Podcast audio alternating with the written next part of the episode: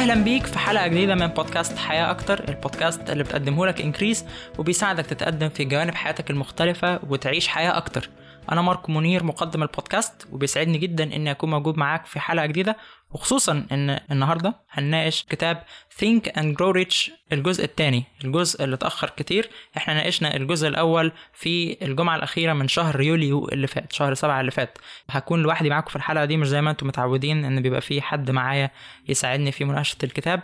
فيا رب أكون قدرت أجمع كل الأفكار اللي بيتكلم عنها الجزء الثاني لأن هو كتاب غني جدا وفيه أفكار كتير جدا. سامحوني لو في حاجات وقعت مني. مش عايز أطول عليكم في المقدمة أكتر من كده. الحلقة دي ليها جزء أول. اللي ما سمعش الجزء الأول يا ريت ترجع تسمع الجزء الأول قبل ما تبدأ تسمع الحلقة دي. الجزء الأول هيكون موجود في ال show notes الخاصة بالحلقة دي برضو على موقعنا increaseeg.com forward slash 97 ودلوقتي خلونا نبدأ مناقشتنا للجزء الثاني من كتاب Think and Grow Rich أو فكر تصبح غنيا للمؤلف والكاتب الأمريكي نابليون هيل. هبدأ مناقشتي للجزء الثاني من كتاب Think and Grow Rich أو فكر تصبح غنيا من عند الشابتر الثامن أو الفصل الثامن في الكتاب اللي هو عن القرار. والشابتر عنوانه كده Decision the Mastery of Procrastination أو تسيد التسويف أو السيطرة على التسويف. من خلال خبرته نابليون هيل بيحكي عن عينة من 25 ألف شخص هو اختبرهم وبحث فيهم عن أسباب فشلهم. 25 ألف شخص فاشل. فنابليون هيل بيقول إن هو توصل إلى إن حالة اللا قرار أو عدم اتخاذ القرار كان من أهم أسباب فشلهم ومن أهم الصور اللي بتظهر بيها حالة اللا قرار دي هي فكرة التسويف ال procrastination العدو المشهور جدا اللي بيقف ما بيننا وما بين تحقيق أي تقدم أو إنجاز بنحلم بيه. وعلى العكس تماما خبرته ودراسته لمئات الأشخاص الناجحين أو الأثرياء أثبتت أن واحدة من أهم العادات اللي عندهم هي عادة اتخاذ القرار بسرعة شديدة وتغييره ببطء شديد. ده لو غيروا القرار أصلا. فنابليون هيل عايز يقول إن الفرق الكبير والجوهري ما بين الأشخاص الناجحين والأشخاص الفاشلين هو إن الأشخاص الناجحين بيوصلوا للقرارات بسرعة كبيرة جدا عندهم. فكرة اتخاذ القرار دي هي عادة أساسية عندهم بيتخذوا القرارات بسرعة شديدة وبيغيروها ببطء شديد جدا. ده مش معناه إن هم ما بيفكروش في القرار لكن هم مش بيسمحوا للخوف اللي جواهم أو فكرة الخروج بره دايرة الأمان أو إن هم يعملوا حاجة مش مألوفة بالنسبة لهم إنها تمنعهم من اتخاذ القرار لو شايفين إن هو قرار صح. هما بمعنى تاني بيحللوا القرارات اللي بتواجههم من ناحية إن القرار ده هيفيدني وهيساعدني إن أنا أتقدم ولا لأ. مش مهم القرار ده هيبقى غريب بالنسبة للناس اللي حواليا. مش مهم القرار ده معناه إن أنا بعمل حاجة أول مرة أعملها. لكن القرار ده هيساعدني إن أنا أتقدم ولا لأ؟ ولو كان شايف إن القرار ده هيساعده يتقدم ناحية الهدف اللي هو عايز يحققه يبقى اذا القرار ده أنا مش هغيره إلا في أضيق الحدود ولو أنا لقيت إن القرار ده بالتجربة وبالممارسة كان قرار فاشل. من أهم أعراض حالة اللا قرار دي أو التسويف هي فكرة الكلام الكتير. في نوعية من الناس بيحبوا إن هم يتكلموا كتير علشان يبينوا إن هم عارفين أو فاهمين أو عندهم علم بشكل من الأشكال. نابليون هيل بيقول إن الناس اللي بيتكلموا كتير عادة بينفذوا قليل ما بينفذوش اللي هم بيتكلموا عنه. وعادة كمان هي بتبقى معرفتهم معرفة سطحية مش معرفة عميقة. لأن الشخص اللي عنده معرفة عميقة هو الشخص اللي بيبقى بيسمع أكتر من ما بيتكلم. وعنده نوع من التواضع مش عنده نوع من التباهي بالمعرفة اللي عنده وبإن هو يقعد يتكلم كتير علشان يبهر الشخص اللي هو بيتعامل معاه أو الناس اللي هو بيتعامل معاهم. عايز تنمي عادة اتخاذ القرار؟ أنت محتاج تسمع أكتر من ما بتتكلم لأن الكلام بيحرمك من إن أنت تستقبل معرفة من الناس اللي حواليك والناس اللي أنت بتتعامل معاهم. لما أنت بتتكلم مش بتديلهم فرصة إن هم يشاركوك بالمعارف بتاعتهم وبالعلوم بتاعتهم. انت محتاج ان انت تسمع أكتر ما بتتكلم لكن كمان كتر الكلام ده ليه مشكلة خطيرة جدا وهو انه بيخليك تكشف عن اهدافك وخططك للناس اللي حواليك. أوقات كتير لما انت بتتكلم عن هدف أو خطة معينة ممكن الشخص اللي قدامك ده إن هو ياخد الفكرة دي ويبتدي إن هو ينفذها. ولو هو شخص منضبط وبقى ديسايسيف أو عنده قدرة كبيرة على اتخاذ القرار بسرعة وبحكمة زي ما نابليون هيل بيتكلم فهو في الغالب هيسبقك وهيبقى هو استفاد من الفكرة بتاعتك ووصل ليها قبلك بكتير. لكن في نقطة تانية كمان مهمة جدا وهي إن عادة برضو لما أنت بتتكلم عن هدفك أو عن حلمك أو عن المشروع اللي أنت عايز تعمله لما الناس اللي حواليك يبدوا إعجابهم بالمشروع ده ده بيديك نوع من الإحساس بإن أنت بتعمل حاجة كويسة. وغالبا الإحساس ده بيغنيك عن إن أنت تشتغل على المشروع بتاعك.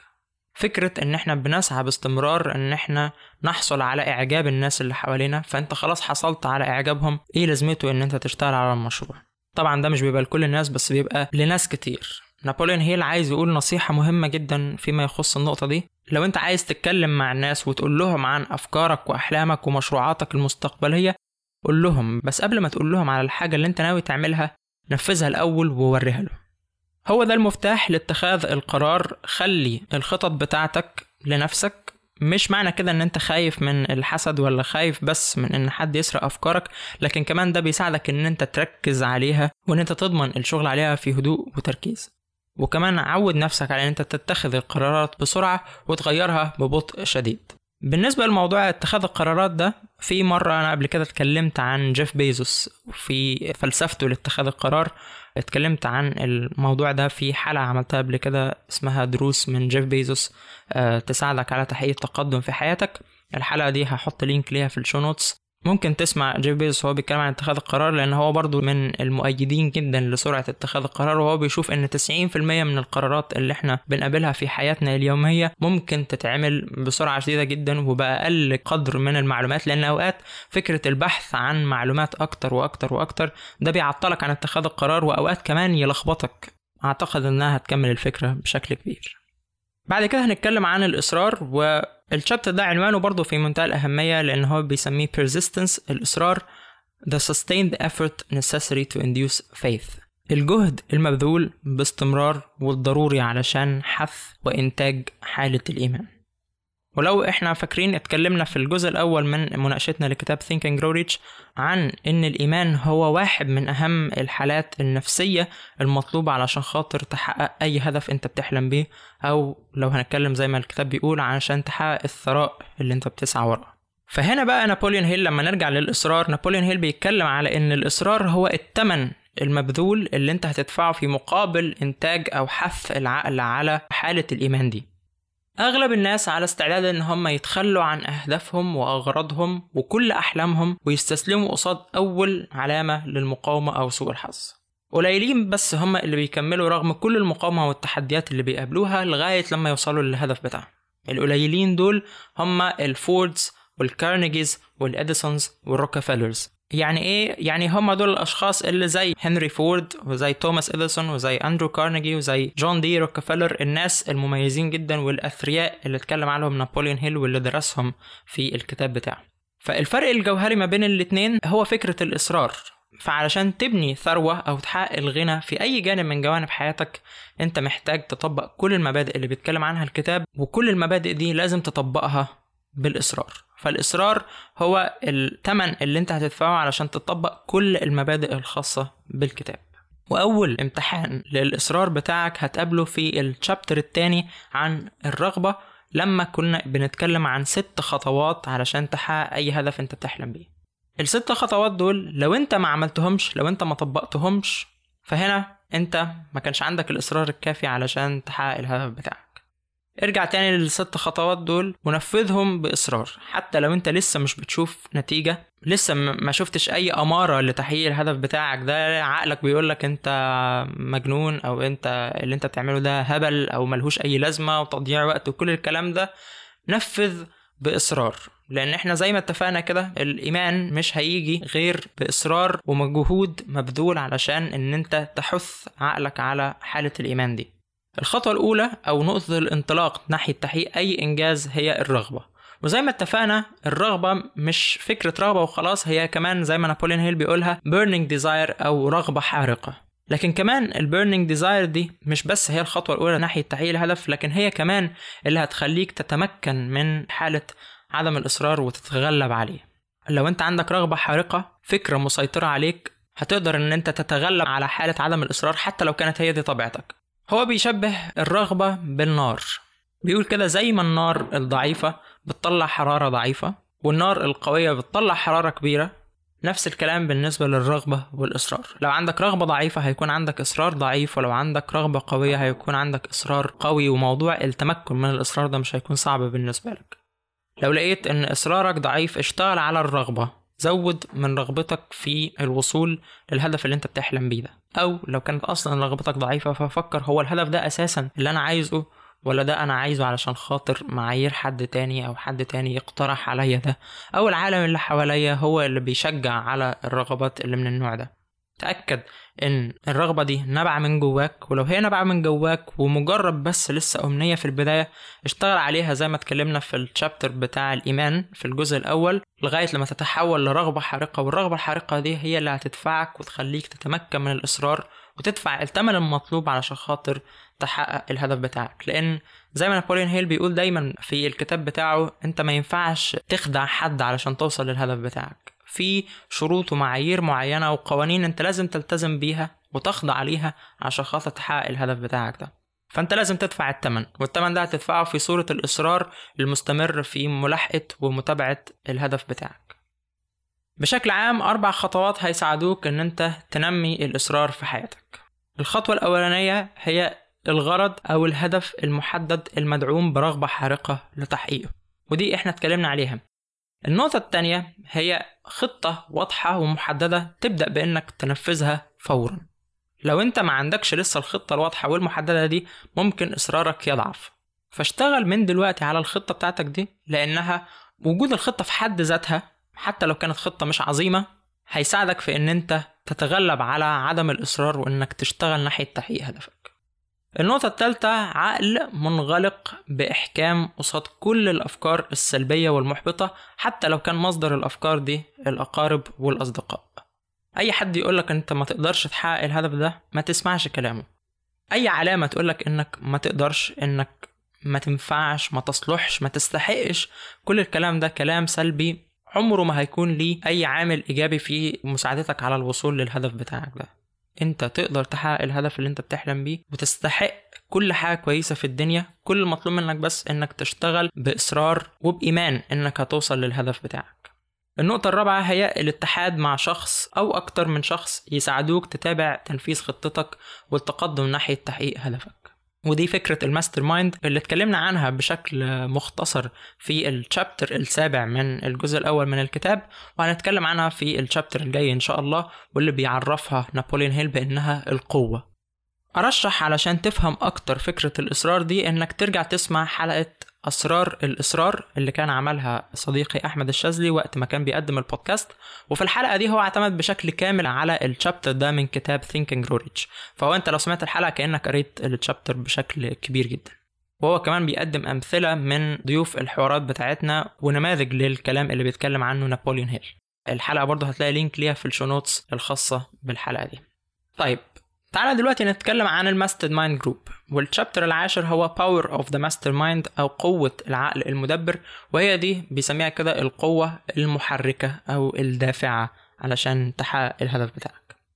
علشان تنجح في الحصول على المال أو خلينا نقول بشكل عام علشان تحقق هدفك فأنت محتاج للقوة. وتعريف نابليون هيل للقوة هو organized and intelligently directed knowledge أو معرفة منظمة وبتدار بذكاء.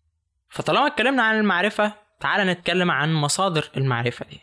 في ثلاث مصادر أساسيين للمعرفة بيتكلم عنهم نابوليون هيل. المصدر الأول هو infinite intelligence أو الذكاء الغير محدود. وده باختصار شديد جدا المقصود به ربنا. ربنا هو الذكاء الغير محدود وهو المصدر اللي فيه كل العلم وكل المعرفة. وإحنا لينا اتصال بالمصدر ده. فده لو اتصلنا بالذكاء الغير محدود نقدر ان إحنا نحصل على المعارف والعلوم اللي إحنا عايزينها وتساعدنا نحقق الهدف بتاعنا. المصدر التاني هو الخبرات المتراكمة. والخبرات سواء متراكمة عند الفرد عند فرد معين أو عند البشرية بشكل عام. العلوم والمعارف اللي إحنا قدرنا نجمعها ونعرفها كبشرية على مدار التاريخ. المعرفة دي هتلاقيها موجودة في الكتب في الإنترنت في كل مصادر المعرفة التقليدية. المصدر الثالث للمعرفة هو البحث والتجربة. فلو انت بتعمل حاجة جديدة مفيش عندك معلومات كافية عن الحاجة دي ولا حتى معلومات كافية عن البشرية عنها. فمفيش حل قدامك ساعتها غير إن انت تقوم بتجارب كتير وتقيس نتائج التجارب دي علشان تبدأ تبني المنهج المعرفي بتاعك القائم على الخبرات اللي انت اكتسبتها. وهي دي الطريقة اللي بيعتمد بيها العلماء والمخترعين والمستكشفين علشان خاطر يوصلوا لنظريات جديدة واختراعات جديدة. فعلى سبيل المثال مثلا إحنا ما كناش نعرف يعني إيه إنترنت مثلا وفي حد قعد إن هو يجرب يجرب يجرب لغاية لما قدر يوصل لاختراع اسمه الإنترنت وبقينا كلنا بنستخدمه دلوقتي. بس قبل ما هو يوصل له ما كانش في حاجة تقول له واحد اتنين تلاتة الخطوات اللي تساعده يعمل حاجة اسمها الإنترنت. لأن إحنا أصلا ما كناش نعرف يعني إيه إنترنت والفكرة دي ما كانتش مقبولة ومعروفة. فهنا هو قدر يوصل للاختراع بتاعه ده أو الاكتشاف بتاعه ده من خلال البحث وتقييم التجربة بتاعته دي لغاية لما يوصل لنتيجة متفق عليها ثابتة. فالمعرفة من أي مصدر من المصادر الثلاثة اللي إحنا اتكلمنا عنها دي لما تنظم وتدار بذكاء تبدأ إنها تتحول لقوة. زي ما توني روبنز كده بيقول في مثل أمريكي كده يقول لك knowledge is power أو المعرفة هي قوة. توني روبنز بيقول لأ المعرفة مش قوة المعرفة هي قوة كامنة. مش قوة حقيقية. ليه مش قوة حقيقية؟ لأنها لسه ما استخدمتش لسه ما اتنظمتش لسه ما تمش إدارتها. لكن لما يتم إدارة المعرفة دي وإن إحنا نبدأ نحول المعرفة دي إلى خطط واضحة قابلة للتنفيذ نقدر إن إحنا نستغل المعرفة دي وتتحول المعرفة إلى قوة كبيرة جدا. إزاي تقدر إن أنت تستغل المعارف دي وإن أنت تنظمها وتحولها إلى خطط قابلة للتنفيذ؟ تقدر تعمل ده من خلال ال mastermind group. فنابوليون هيل بيعرف ال mastermind group على إنها مجموعة من الأفراد اتنين أو أكتر بيقوموا بمشاركة معارفهم وجهودهم في نوع من التناغم علشان يحققوا هدف محدد متفق عليه. ال mastermind group ليها بعدين في منتهى الأهمية. البعد الأول هو إن وجود مجموعة مختلفة من الناس ليهم تخصصات وخبرات مختلفة بيساعدك تستفيد من تنوع الخبرات والعلاقات دي علشان تقدر تحقق الهدف بتاعك. فلو أنا مثلا ببني business جديد فأنا عندي خبرة technical أنا مهندس بعرف إن أنا هعمل حاجة معينة فنية وعندي في ال mastermind group بتاعتي حد مثلا متخصص في التسويق وعندي واحد تالت مثلا شاطر جدا في الإدارة فلما كل واحد فيهم يشارك بالمعارف بتاعته والخبرات بتاعته نقدر إن إحنا التلاتة نوصل للهدف بتاعنا هو إن إحنا نعمل business ناجح جدا بيقدم فكرة جديدة أو منتج جديد للسوق محدش كان عملها قبل كده. لو إحنا التلاتة مش شغالين مع بعض في نوع من التناغم مش هنقدر إن إحنا نحقق الهدف ده. ولو إحنا التلاتة ما عندناش تنوع في المعارف برضو مش هنقدر إن إحنا نحقق الميزة دي.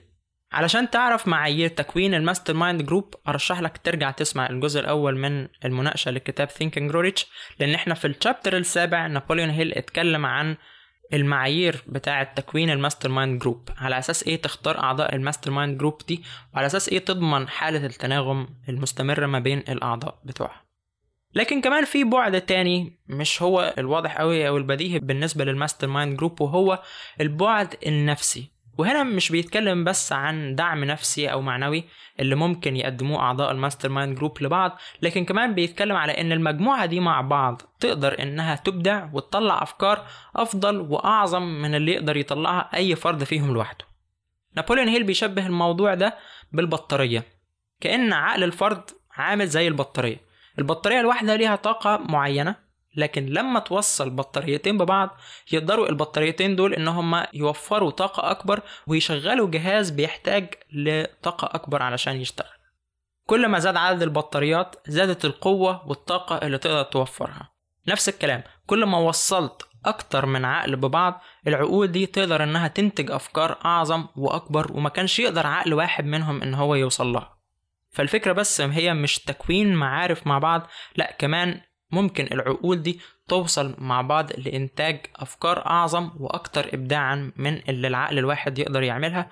وبرضه لو أنت سمعت حلقة عن الإبداع والأفكار غير الأصلية اللي أنا كنت عملتها قبل كده هتفهم برضه إزاي فكرة الإبداع دي بتتم. الإبداع بيجي منين؟ والأفكار الكويسة بتيجي منين؟ الفكرة هتكون أوضح كتير بالنسبة لك هتلاقي link للحلقة في ال show notes الخاصة بالحلقة دي. فكرة مهمة جدا بيتكلم عنها نابوليون هيل و ناس كتير مش بتحب إنها تتكلم عنها لأسباب كتير لكن ال chapter الجاي ده هو ال chapter رقم 11 هو واحد من أكبر الفصول في الكتاب وأنا بشوف إن هو فصل مميز جدا. الفصل ده هو اسمه كده The Mystery of Sex Transmutation أو غموض التحويل للطاقة الجنسية. أولا خلينا نبدأ بتعريف يعني إيه Transmutation زي ما نابوليون هيل بدأ الشابتر بتاعه. Transmutation أو تحويل باللغة العربية معناها تغيير أو تحويل صورة من صور الطاقة لصورة أخرى. يعني زي ما إحنا عارفين مثلا إن هو يقول لك في طاقة حركية تقدر إن أنت تحول الطاقة الحركية دي لطاقة كهربائية مثلا. فهنا أنت عملت transmutation للطاقة. طاقة من صورة معينة حولتها لصورة أخرى. فهي دي فكرة ال sex transmutation نابوليون هيل عايز يتكلم في ال chapter ده عن تحويل الطاقة الجنسية إلى طاقة من نوع آخر تساعدك في تحقيق الأهداف بتاعتك وده اللي إحنا هنوضحه في ال chapter ده. نابوليون هيل بيقول إننا عندنا نوع كبير من الجهل بموضوع الجنس ولأننا بنجهل الكثير عنه فهو مرتبط في عقولنا باستمرار بالبعد الجسدي أو المادي. نابوليون هيل بيقول إن بالتأكيد الجنس ليه تأثير أو بعد جسدي ومادي طبعا زي ما هو معروف الحفاظ على بقاء الإنسان وكمان المساهمة في الحفاظ على صحة الإنسان لكن هو كمان ليه تأثير غير مادي. إحنا عادة مش بناخد بالنا منه وهو بيلقبه كده تحول الفرد من شخص عادي إلى شخص عبقري. الرغبة الجنسية هي أكتر رغبات الإنسان قوة ولما الإنسان بيكون مدفوع بالرغبة دي يقدر إنه ينمي صفات ومهارات غير مادية زي قوة الخيال الشجاعة الإصرار وقدرات إبداعية تانية جايز ما كانش الشخص ده بيستخدمها في أوقات أخرى من حياته. فبالشكل ده الرغبة الجنسية اتحولت من إنها مجرد رغبة جسدية إلى إنها قدرت تطور جوانب نفسية في الإنسان المدفوع بالرغبة دي. فالشعور الجنسي هو قوة لا يمكن الوقوف ضدها. لما الإنسان بيكون مستحوذ عليه الشعور ده بتكون عنده قدرة عظيمة جدا لأنه ياخد أكشن أو ينفذ حاجات كتير. فهي قوة كمان كبيرة جدا للتنفيذ بتدفع الإنسان على الحركة والتصرف والتنفيذ. نابوليون هيل بعد كده بيتكلم عن عشر محفزات للعقل أو stimuli بيستجيب ليهم عقل الإنسان. على قمة العشر محفزات دول هي الرغبة للتعبير الجنسي The desire for sex expression. فهي الحافز الأكبر اللي بيحفز الإنسان للحركة أو اللي هو بيوصله لحالة إحنا بنسميها الحماس. الإنسان بيكون عنده حماس شديد للتصرف وللحركة. من أشهر المحفزات أو ال mind stimuli اللي بيتكلم عنهم نابوليون هيل حاجات مثلا زي الشعور بالحب الموسيقى الخوف المخدرات والكحوليات. تمانية من العشر حاجات دول اللي اتكلم عنهم نابوليون هيل هم حاجات طبيعية وكويسة أو بناءة تقدر إنها تساعدك تتقدم وتحقق الأهداف اللي أنت بتحلم بيها. لكن في كمان اتنين منهم مدمرين جدا زي ما اتكلمنا الكحوليات والمخدرات وكمان الخوف. المحفزات بشكل عام وعلى رأسها الشعور الجنسي هي ليها القدرة على بيسميها كده نابوليون هيل stepping up ال vibration أو إنها تزيد من الذبذبات بتاعة الفكر وتخليها توصل لأبعاد تانية ما كانش ممكن الإنسان يوصل لها وهو في حالة عادية أو تقليدية. الفكرة اللي بيتكلم عنها دي هي أشبه بالمحولات. إحنا عارفين في حاجة كده بنسميها محولات للكهرباء أو transformers للكهرباء. المحولات دي بيبقى إيه الهدف منها؟ الهدف إن إحنا مثلا لما بنيجي ننقل الكهرباء من السد العالي بيبقى ليها فرق جهد معين وليها شدة تيار معينة زي ما تم إنتاجها من محطات الكهرباء اللي هناك. لكن لو أنا عايز أنقل الكهرباء دي للقاهرة مثلا من أسوان للقاهرة هنقلها في خطوط للكهرباء. مش هقدر إن أنا أنقلها بنفس المعايير دي فرق الجهد وشدة التيار لأن ده هيكلفني كتير قوي. وعلى مدار الطريق هخسر كتير من الكهرباء دي في المقاومة بتاعة الأسلاك. فببتدي إن أنا أعمل حاجة اسمها المحول ده. المحول بياخد الكهرباء زي ما هي خرجت من محطة إنتاج الكهرباء ويبتدي إن هو يعمل لها تحول فإن هو يغير في المعايير بتاعتها دي. يعلي مثلا فرق الجهد بشكل أكبر بكتير وإن هو يقلل شدة التيار بحيث إن أنا أضمن إني أنقل الكهرباء في الأسلاك بتكاليف أقل بكتير لأن كل ما شدة التيار تزيد فأنا محتاج مساحة أكبر لل... للكابل اللي هيتنقل فيه الكهرباء دي علشان خاطر ما اخسرش الكهرباء نتيجة للمقاومة. بتحصل حاجة شبه كده في المحطات الإذاعية على سبيل المثال. بيتنقل الصوت بتاع الخارج بقى من المحطة البرنامج اللي بيتقال مثلا أو كده. هو من موجات صوتية بيتنقل إلى إن هو يتحول إلى موجات كهرومغناطيسية. الموجات الكهرومغناطيسية دي ليها قدرة أكبر على الوصول لأماكن أبعد بيستقبلها أجهزة الاستقبال الموجودة في البيوت أو في آه، أي مكان تاني ويبتدي إن هو جهاز الاستقبال ده يعمل لها نوع من التحويل مرة تانية ينقل الموجات دي الكهرومغناطيسية ويفك الشفرة بتاعتها ويبدأ إن هو يحولها إلى موجات صوتية يسمعها الشخص صاحب الراديو ده. دي الفكرة اللي بيتكلم عنها نابوليون هيل. هو عايز يقول باختصار شديد إن ال stimulants دي محفزات العقل اللي إحنا بنحسها أو إن إحنا بنعبر عنها بحالة الحماس إن أنا عندي حماس شديدة وإن أنا عندي رغبة جامحة. المحفزات دي هي بتعمل نوع من ال stepping up من التعظيم للأفكار أو الذبذبات بتاعة الفكر. الذبذبات دي بتقدر إنها توصل لأماكن أبعد بكتير وبتوصل لمستويات العقل التقليدي في الحالة التقليدية ما يقدرش إن هو يوصل لها. ممكن الذبذبات دي تنتج إبداع شديد جدا في حالة ال stepping up دي. وممكن الذبذبات دي إنها تتواصل مع ال infinite intelligence أو الذكاء اللي هو الغير محدود أو تتواصل مع عقول أشخاص تانيين ما كنتش إن أنت تقدر تتواصل معاهم في المستوى التقليدي للفكر. فهي دي حالة العبقرية اللي بيتكلم عنها نابوليون هيل.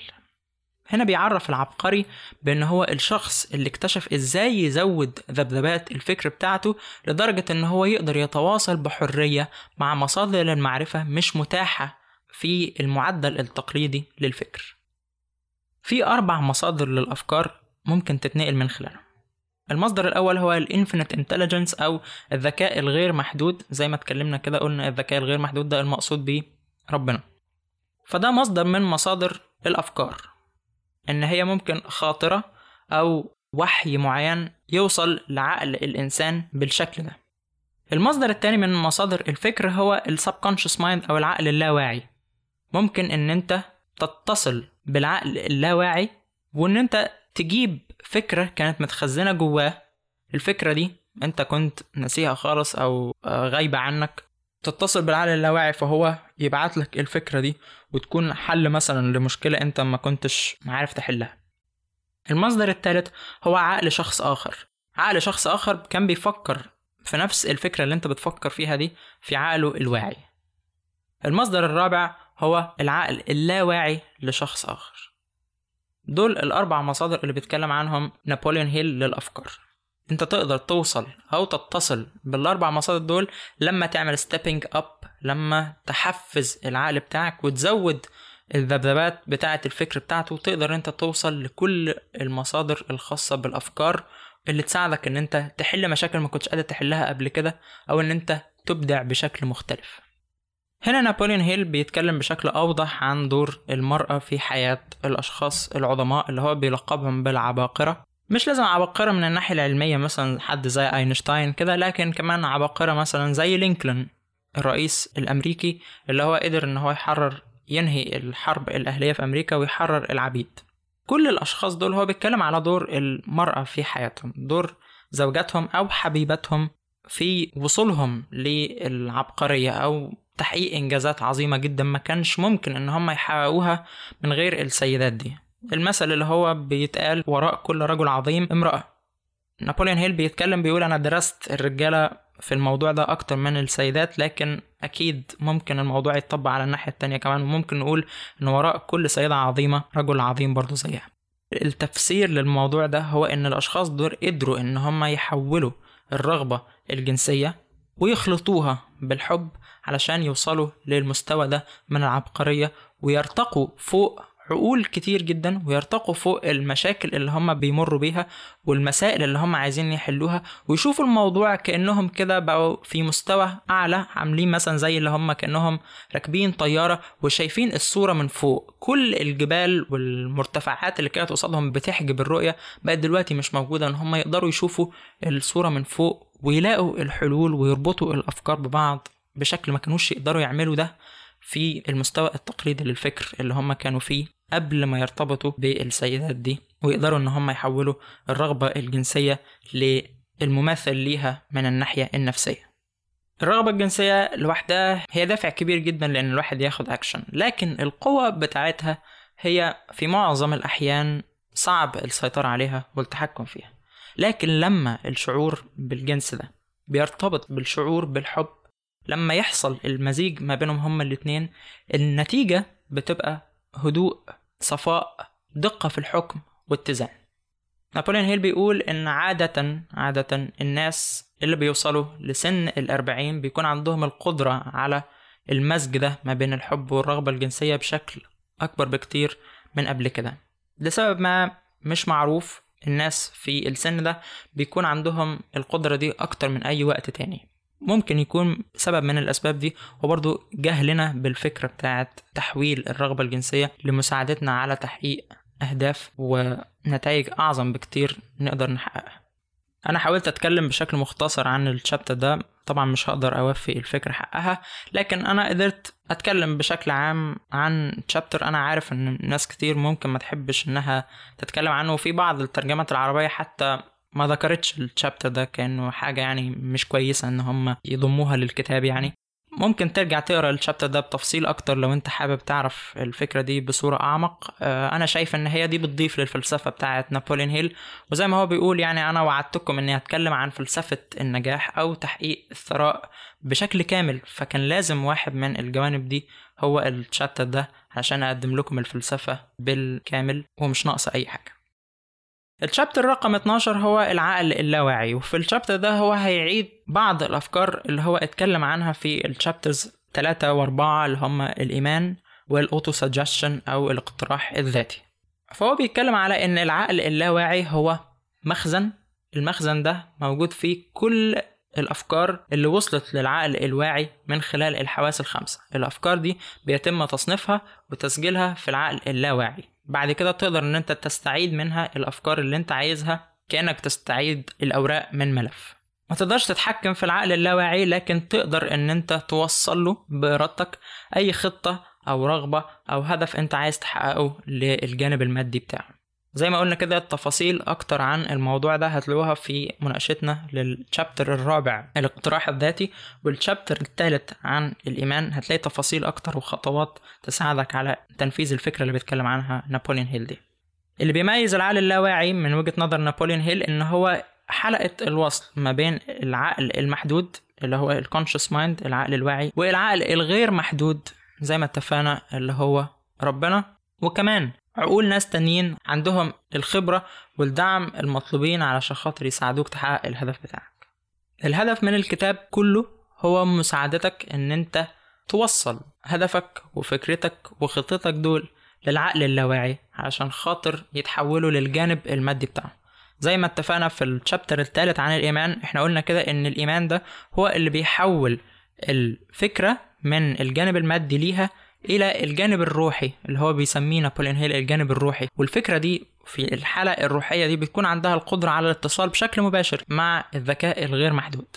فهو بيقول إن ال 13 مبدأ اللي هو بيتكلم عنهم في الكتاب بتاعه ال 13 مبدأ دول هم مجرد ستيمولاي أو محفزات أو طرق توصل بيها للعقل اللاواعي وإن أنت تحول الفكرة في الجانب التقليدي ليها للجانب الروحي وتقدر إن أنت تنفذها بعد كده. العقل اللاواعي مش هيفضل في حالة ركود لو انت فشلت في انك تزرع رغباتك جواه. العقل اللاواعي هيتغذى على كل الأفكار اللي هتوصله من الأربع مصادر اللي اتكلمنا عنهم في ال chapter اللي فات عن ال sex transmutation عشان كده هو بيحذر من ان انت تكون مش محافظ أو مش بتحمي عقلك اللاواعي بشكل كويس. بتحميه بمعنى إيه؟ بإن أنت تشجع أكتر المشاعر الإيجابية والأفكار الإيجابية وتمنع بشكل أكبر بكتير الأفكار والمشاعر السلبية. فالعقل اللاواعي بيبقى معرض أكتر سهل أكتر الوصول ليه لما الأفكار بتكون مرتبطة بمشاعر سواء كانت إيجابية أو مشاعر سلبية. فالمشاعر هي كلمة السر في الوصول للعقل اللاواعي سواء كانت المشاعر دي إيجابية أو سلبية. لو كذبه كذبة حاجة غير منطقية تماما. ممزوجة بمشاعر إيجابية أو مشاعر سلبية هتوصل للعقل اللاواعي وهيبتدي العقل اللاواعي يصدق إن هي دي الحقيقة. ويبتدي كمان إن هو يتصرف على أساسها ويدور على كل الفرص اللي تساعده في الاستمرار ناحية تحقيق الفكرة دي. عشان كده محتاجين نعرف إيه هي المشاعر الإيجابية الأهم والأكبر وإيه هي المشاعر السلبية الأهم والأكبر برضو اللي إحنا نتجنبها. المشاعر الإيجابية نابوليون هيل بيقول كده إن هم سبع مشاعر أساسية. الشعور الأولاني هو الشعور بالرغبة رقم اتنين الإيمان رقم ثلاثة الحب رقم أربعة الجنس رقم خمسة الحماس ستة الرومانسية سبعة الأمل. هنا مفيش ترتيب لمين أهم من مين لكن هو بيقول السبع مشاعر ورا بعض. المشاعر السبعة السلبيين هما الشعور بالخوف الغيرة الكراهية الانتقام الطمع الخرافة والغضب. أهم فكرة ممكن تخرج بيها من الشابتر ده هي إن ما ينفعش يحتل العقل. في نفس الوقت شعور سلبي وشعور إيجابي. الاتنين ما ينفعش يكونوا موجودين في نفس اللحظة في عقلك. علشان كده خلي عادة عندك هي إن أنت تشجع المشاعر الإيجابية إنها تكون هي الأساس اللي بيحتل العقل اللاواعي بتاعك. لو هي دي بقت العادة بتاعتك إن أنت تكون موجود باستمرار مع ناس إيجابيين متفائلين عندهم نوع من الثقة في قدرتهم على تحقيق الأهداف بتاعتهم وباستمرار عندهم الرغبة في تحقيق إنجازات أكبر وأهم وإن أنت بتسمع حاجات بتساعدك تغذي المشاعر الإيجابية في حياتك تخليك متفائل أكتر وسعيد أكتر. لو هو ده الأساس بتاعك لو هي دي العادات بتاعتك هيكون الأساس السائد في عقلك اللاواعي هو المشاعر الإيجابية وبالتالي تقدر إن أنت تحقق نتائج إيجابية في حياتك. لأن زي ما اتفقنا كده المشاعر هي الوقود اللي بيحرك الأفكار وفي النهاية بيخلي الإنسان يتصرف على أساسها. نابليون هيل بيقول إن إحنا مندفعين إحنا كائنات عاطفية مش كائنات منطقية. بتدفعنا وبتحركنا المشاعر بتاعتنا مش المنطق. لو كانت المشاعر إيجابية نقدر نضمن إن أنت تتصرف تصرفات إيجابية تساعدك على تحقيق نتائج إيجابية في حياتك. مش ممكن يكون عقلك بيحتله المشاعر الإيجابية وفي النهاية تحقق نتائج سلبية. ده مش ممكن. وفي نفس الوقت العكس برضه مش ممكن. مش ممكن يكون الأساس في عقلك اللاواعي هو المشاعر السلبية وتقول إن أنا عايز أحقق نتائج إيجابية في حياتي. عايز تعرف مين الثابت في عقلك؟ بص على النتائج اللي أنت بتحققها. هتعرف مين هو الأساس. لو النتائج اللي أنت بتحققها دي مش عاجباك انت عارف إيه اللي انت محتاج تغيره. بعد كده المخ ونابوليون هيل بيقول إن المخ هو محطة للإرسال والاستقبال الأفكار. أنا كنت اتكلمت عن الفكرة دي في حلقة عملتها عن قانون الجذب كيف تتحول الأفكار إلى واقع. ونابوليون هيل بيتكلم على تجارب قام بيها ألكسندر جراهام بيل مخترع التليفون. وأثبتت إن عقل الإنسان هو محطه لارسال واستقبال الأفكار. وكان حد تاني عالم نباتات اسمه جي بي راين أو جوزيف راين. جوزيف راين ده من أهم العلماء بتوع الباراسايكولوجي أو الجزء الخاص بعلم النفس اللي بيتكلم عن دراسة ظواهر زي الحاسة السادسة وال déjà vu وكده وكان واحد من تفسيرات جي بي راين لل intuition أو الحدس اللي إحنا بنسميها الحاسة السادسة هي فكرة إن عقل الإنسان يقدر إن هو يبعت أفكار ويستقبل أفكار. زي موجات الراديو كده تقدر تبعت موجات وتستقبل موجات. في حلقة قانون الجذب دي أنا اتكلمت عن الفكرة من وجهة نظر العلم في الوقت الحالي. العلم مش قادر إن هو يوصل لتفسير لظواهر الحاسة السادسة. هو بيثبت من الناحية الإحصائية وجود ظاهرة الحاسة السادسة دي أو الحدس لكن هل هي بسبب إرسال واستقبال الموجات ولا هي لأسباب تانية لسه مش عارفين لحد دلوقتي؟ فمش هقدر إن أنا أجزم بالكلام اللي بيقوله نابوليون هيل عن إن مخ الإنسان هو محطة لاستقبال وإرسال الأفكار لكن في النهاية ده بيحصل. بيحصل إزاي؟ إحنا مش عارفين. لسه مش عارفين الميكانيزم. لكن مخ الإنسان بيرسل الأفكار ويستقبل الأفكار. وعندنا دليل على ده من الناحية الإحصائية لكن من الناحية العلمية إيه معناه؟ مش قادرين نعرف. الحاسة السادسة وهو بيسميها كده نابوليون هيل الباب لمعبد الحكمة. والحاسة السادسة زي ما وضحنا قبل كده هي الحدس أو الانتويشن القدرة الخاصة بالإنسان على إن هو يستقبل أفكار من مصادر تانية غير عقله. وبرضه أنت لو سمعت الحلقة بتاعت قانون الجذب هتلاقيني بتكلم بتفصيل أكتر عن الفكرة دي. اللي أقدر أقوله لك دلوقتي هي إن الإنسان عنده واحدة من ست قوى عقلية اللي هي الحدس القوى العقلية دي مسؤولة عن استقبال الأفكار وإرسالها. تقدر إن هي تتصل بعقول أشخاص آخرين أو إنها تتصل بالذكاء الغير محدود زي ما نابوليون هيل بيقول. برضو الإنتويشن ده بيكون في قمته أو في قوته لما بيكون العقل محفز بواحد من المشاعر العشرة اللي إحنا اتكلمنا عنهم في الشابتر الخاص ب The Mystery of Sex Transmutation. هتلاقي الحدس ده أشهر ما بين الأشخاص المرتبطين جدا ببعض زي مثلا الأم وأولادها أو الإخوات التوائم حاجات زي كده. زي ما قلت برضه هو من الناحية الإحصائية إحنا عارفين إن الظاهرة دي موجودة لكن مش قادرين لسه لحد دلوقتي نحدد الأساس العلمي ليها. فأنت تقدر تتعامل مع الحدس وتفهمه أكتر من خلال الخبرة والتجربة. مفيش مرجع علمي تقدر تتعامل معاه لكن تقدر تفهم بالخبرة وبالتجربة بإن أنت تطبق الأفكار اللي اتكلمنا عليها في الكتاب. هتلاقي إن أنت اختبرت الحاسة السادسة دي وقدرت إن أنت تفهمها بشكل أكبر. فالوسيلة الوحيدة اللي فهمها هي التطبيق. ده اللي أنا أقدر أقوله لك لحد دلوقتي. الشابتر رقم 15 إزاي تهزم أشباح الخوف الستة. علشان تنفذ أي حاجة من الفلسفة الخاصة بتاعت نابوليون هيل دي عقلك لازم يكون مجهز ليها. وعلشان تكون جاهز ليها لازم تفهم التلات أعداء اللي أنت لازم تقضي عليهم علشان خاطر تنفذ الفلسفة دي. التلات أعداء اللي نابوليون هيل بيتكلم عنهم هما اللا قرار والشك والخوف. هيتكلم بشكل مفصل أكتر في الفصل ده عن الخوف. اللا قرار هو بذرة للخوف واللا قرار بيتبلور إن هو يتحول لشك ولما الشك واللا قرار يندمجوا أو يمتزجوا ببعض بيتحولوا للخوف. الامتزاج ده عادة بيكون بطيء لكن هو السبب الأهم اللي علشانه التلات أعداء دول في منتهى الخطورة لأن هما بينموا وبيكبروا وبيحتلوا عقلك من غير ما أنت تاخد بالك. فالبداية دايما بتكون باللا قرار اللي هو بيتحول بعد كده لشك شك في قدرتك شك في احتمالية تحقيق هدف معين في إمكانية تنفيذ فكرة معينة لغاية لما بعد كده تتحول للخوف.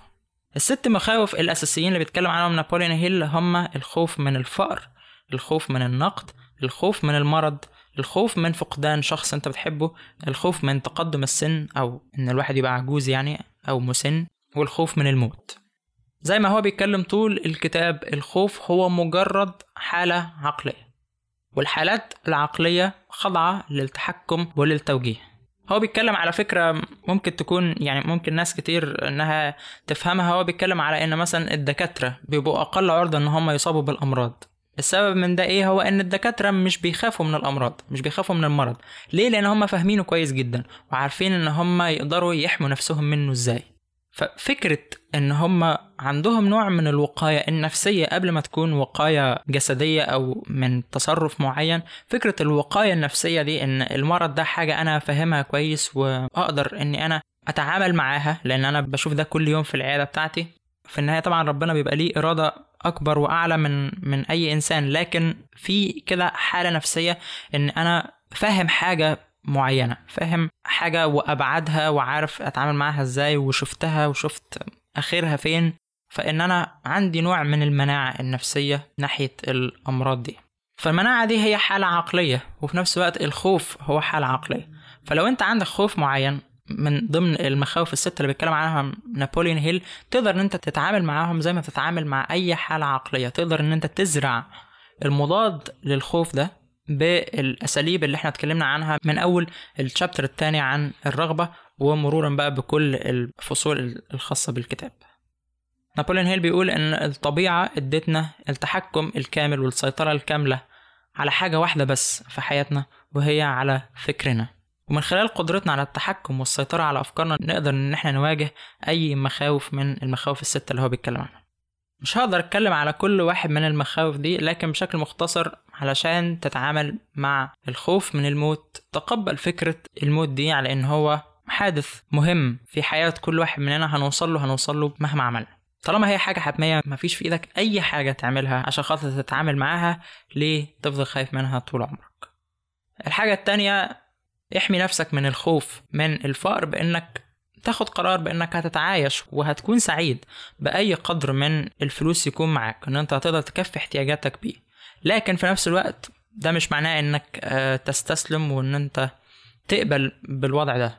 اشتغل على تحسين حالتك المادية باستمرار لكن في النهاية بلاش تحس بإن الفلوس هي ليها السيطرة على حياتك أو ليها التحكم بإن هي بسببها أنا هكون سعيد وهكون عايش مرتاح ولا لأ لو مش معايا فلوس مش هكون عايش مرتاح. لأ أنا هكون مرتاح في كل الأحوال وسعيد في كل الأحوال بس ده ما يمنعش إني هشتغل على إني احقق أحسن من كده. اقضي على الخوف من النقد بأنك مش هتقلق على رأي الناس اللي حواليك مش هتشغل بالك بيه. يعملوا اللي هم عايزينه يفكروا اللي هم عايزينه. أنا عارف أنا بعمل إيه وعارف إن أنا ممكن أكون مثلا في البداية بعمل حاجة جديدة عليا فطبيعي إن أنا هتعرض لانتقادات وطبيعي إن أنا هكون مش حلو فيها. أنا عارف إن هي دي مجرد البداية لكن بالممارسة والتدريب والشغل إن أنا هوصل وهتحسن وفي النهاية اللي بينتقدوني دول هيسقفوا لي بعد كده ويقولوا لي برافو عليك لأن أنت شخص عنده إصرار وعنده مثابرة. بنفس الطريقة أنت تقدر تتعامل مع بقية المخاوف في حياتك. الجزء الأخير أو الفصل الأخير في الكتاب هو بيسميه كده ورشة عمل الشيطان. وهو بيشوف إن يعني زي ما بيقولوا كده إيه أس الفساد كله بيجي من إن إحنا بنسيب عقلنا مفتوح ومعرض للمؤثرات السلبية اللي جاية من الخارج. نابليون هيل بيقول إن الناس اللي بيحققوا ثروات كبيرة دايما بيحموا نفسهم من الشيطان ده اللي هو الأفكار السلبية. الناس الفقراء باستمرار معرضين للخطر ده. طبعا كل الناس معرضين لكن الناس الفقراء بيبقوا ضعفة قصاد المؤثرات الخارجية دي. علشان تحمي نفسك من المؤثرات السلبية أول حاجة لازم تبقى عارف إن أنت عندك قوة إرادة وبالتمرين قوة الإرادة دي باستخدامها باستمرار. كل لما ألاقي نفسي يعني قاعد مع حد مثلا بيقول لي كلام سلبي وابتديت إن أنا أستجيب ليه أبتدي أفوق نفسي وأقول لأ أنا مش هسمع الكلام ده ومش هسمح له أصلا إن هو يقول لي الكلام السلبي ده أو إن أنا مش هقعد معاه تاني. أو إن أنا ألاقي نفسي أنا من نفسي بقول كلام سلبي أنا مش هقدر أنا مصلحش. الاقتراحات السلبية دي أنا همنع نفسي من الاستمرار فيها. مع الوقت ومع الاستخدام قوة الإرادة بتاعتك دي هتكون أقوى وهتكون سيطرتك وإحكامك على عقلك هيكون أفضل بكتير. الحاجة التانية كمان إن أنت تحيط نفسك باستمرار مع أشخاص إيجابيين بيشجعوك وبيزقوك ناحية تحقيق أهدافك وبيشجعوك على إن أنت تكون في حالة إيجابية. بيقولوا لك دايما إن أنت تقدر. ودايما بيفكروا مع بعض مش فكرة إن أنت تقدر إن هي عافية يعني إن أنا سوبرمان بس هي فكرة إن أنا طب إزاي أوصل؟ أنا عايز أعمل دي ومش قادر حاليا. إمكانياتي الحالية ما تسمحليش بإن أنا أحققها. طب إن أنا إزاي أكون عارف؟ إيه اللي أنا محتاج أطور نفسي فيه عشان خاطر أكون قادر؟ طب كده أنا يعتبر خلصت مناقشة كتاب Think and في جزءه الثاني برغم طول الحلقة طبعا أنا ما قدرتش أتكلم في تفاصيل حاجات كتير تخص الكتاب ده. الكتاب ده واحد من أهم الكتب اللي اتكلمت عن النجاح وتحقيق الأهداف على مدار التاريخ. رغم إن هو ممكن يكون في بعض الأفكار ناس كتير ما تقبلهاش ناس كتير تعتبر إنها خرافات أو حاجات غريبة ومش منطقية يفضل الكتاب هو برضه واحد من الأهم. ومفيش كتاب بيوصل للمكانة دي وهو ملهوش حتى جزء من الصحة أو جزء من إن هو كتاب عملي ومفيد فعلا.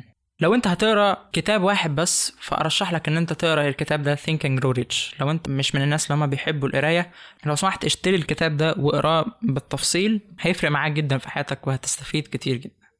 يا رب تكونوا استفدتوا من مناقشة الجزئين. معلش أنا تأخرت في الجزء التاني جدا. لو أعرف كل الظروف اللي, اللي هتحصل دي أنا ما كنتش قررت أصلا إني أناقش الكتاب على جزئين بس زي ما أنا كنت قلت في مقدمة الجزء الأول إن أنا قررت مناقشة الكتاب على جزئين لأن عايز أتعمق بالتفصيل فيه فزي ما أنتم شايفين إحنا تقريبا ناقشنا الكتاب بالكامل على مدار ساعتين. ساعتين ده وقت كبير جدا لمناقشة كتاب ما عملناهاش مع أي كتاب تاني بس لأني لقيت الكتاب ده واحد من الأهم على مدار التاريخ فكان لازم إن إحنا نديله حقه على قد ما نقدر يعني. اللي عايز منكم يقرأ الكتاب ده ويبعت لي أي سؤال فيه في حاجة هو مش فاهمها في حاجة هو مش مقتنع بيها قوي في حاجة واقفة معاه لو سمحت ابعت لي. ابعت لي على iLife at increaseeg.com أنا مستعد دايما إني أساعد على قد ما أقدر وعلى قد ما وقتي يسمح لي. بادر أنت وشوف أنا هتصرف إزاي. على الأقل اعمل أنت اللي عليك زي ما بيقولوا يعني. اقرأ الكتاب حاول تفهمه قرر زي ما كنا بنتكلم عن القرارات. قرر إن أنت من النهارده هتغير جانب معين من حياتك هتسعى ورا تحقيق حاجة معينة أنت كنت نفسك دايما تعملها بس لسبب ما كنت متعطل وواقف. خد الخطوة وخليني أساعدك على قد ما أقدر وإن شاء الله تقدر تحقق التقدم اللي أنت بتحلم بيه وتتحرك من المكان اللي أنت فيه دلوقتي ده لتحقيق نجاحات ونتائج متميزة كمان الفترة الجاية. بكده تنتهي حلقة الأسبوع ده نتقابل الأسبوع الجاي في حلقة جديدة إن شاء الله. من هنا لحد ما نتقابل الجمعة الجاية أتمنى لك دوام السعادة والتقدم.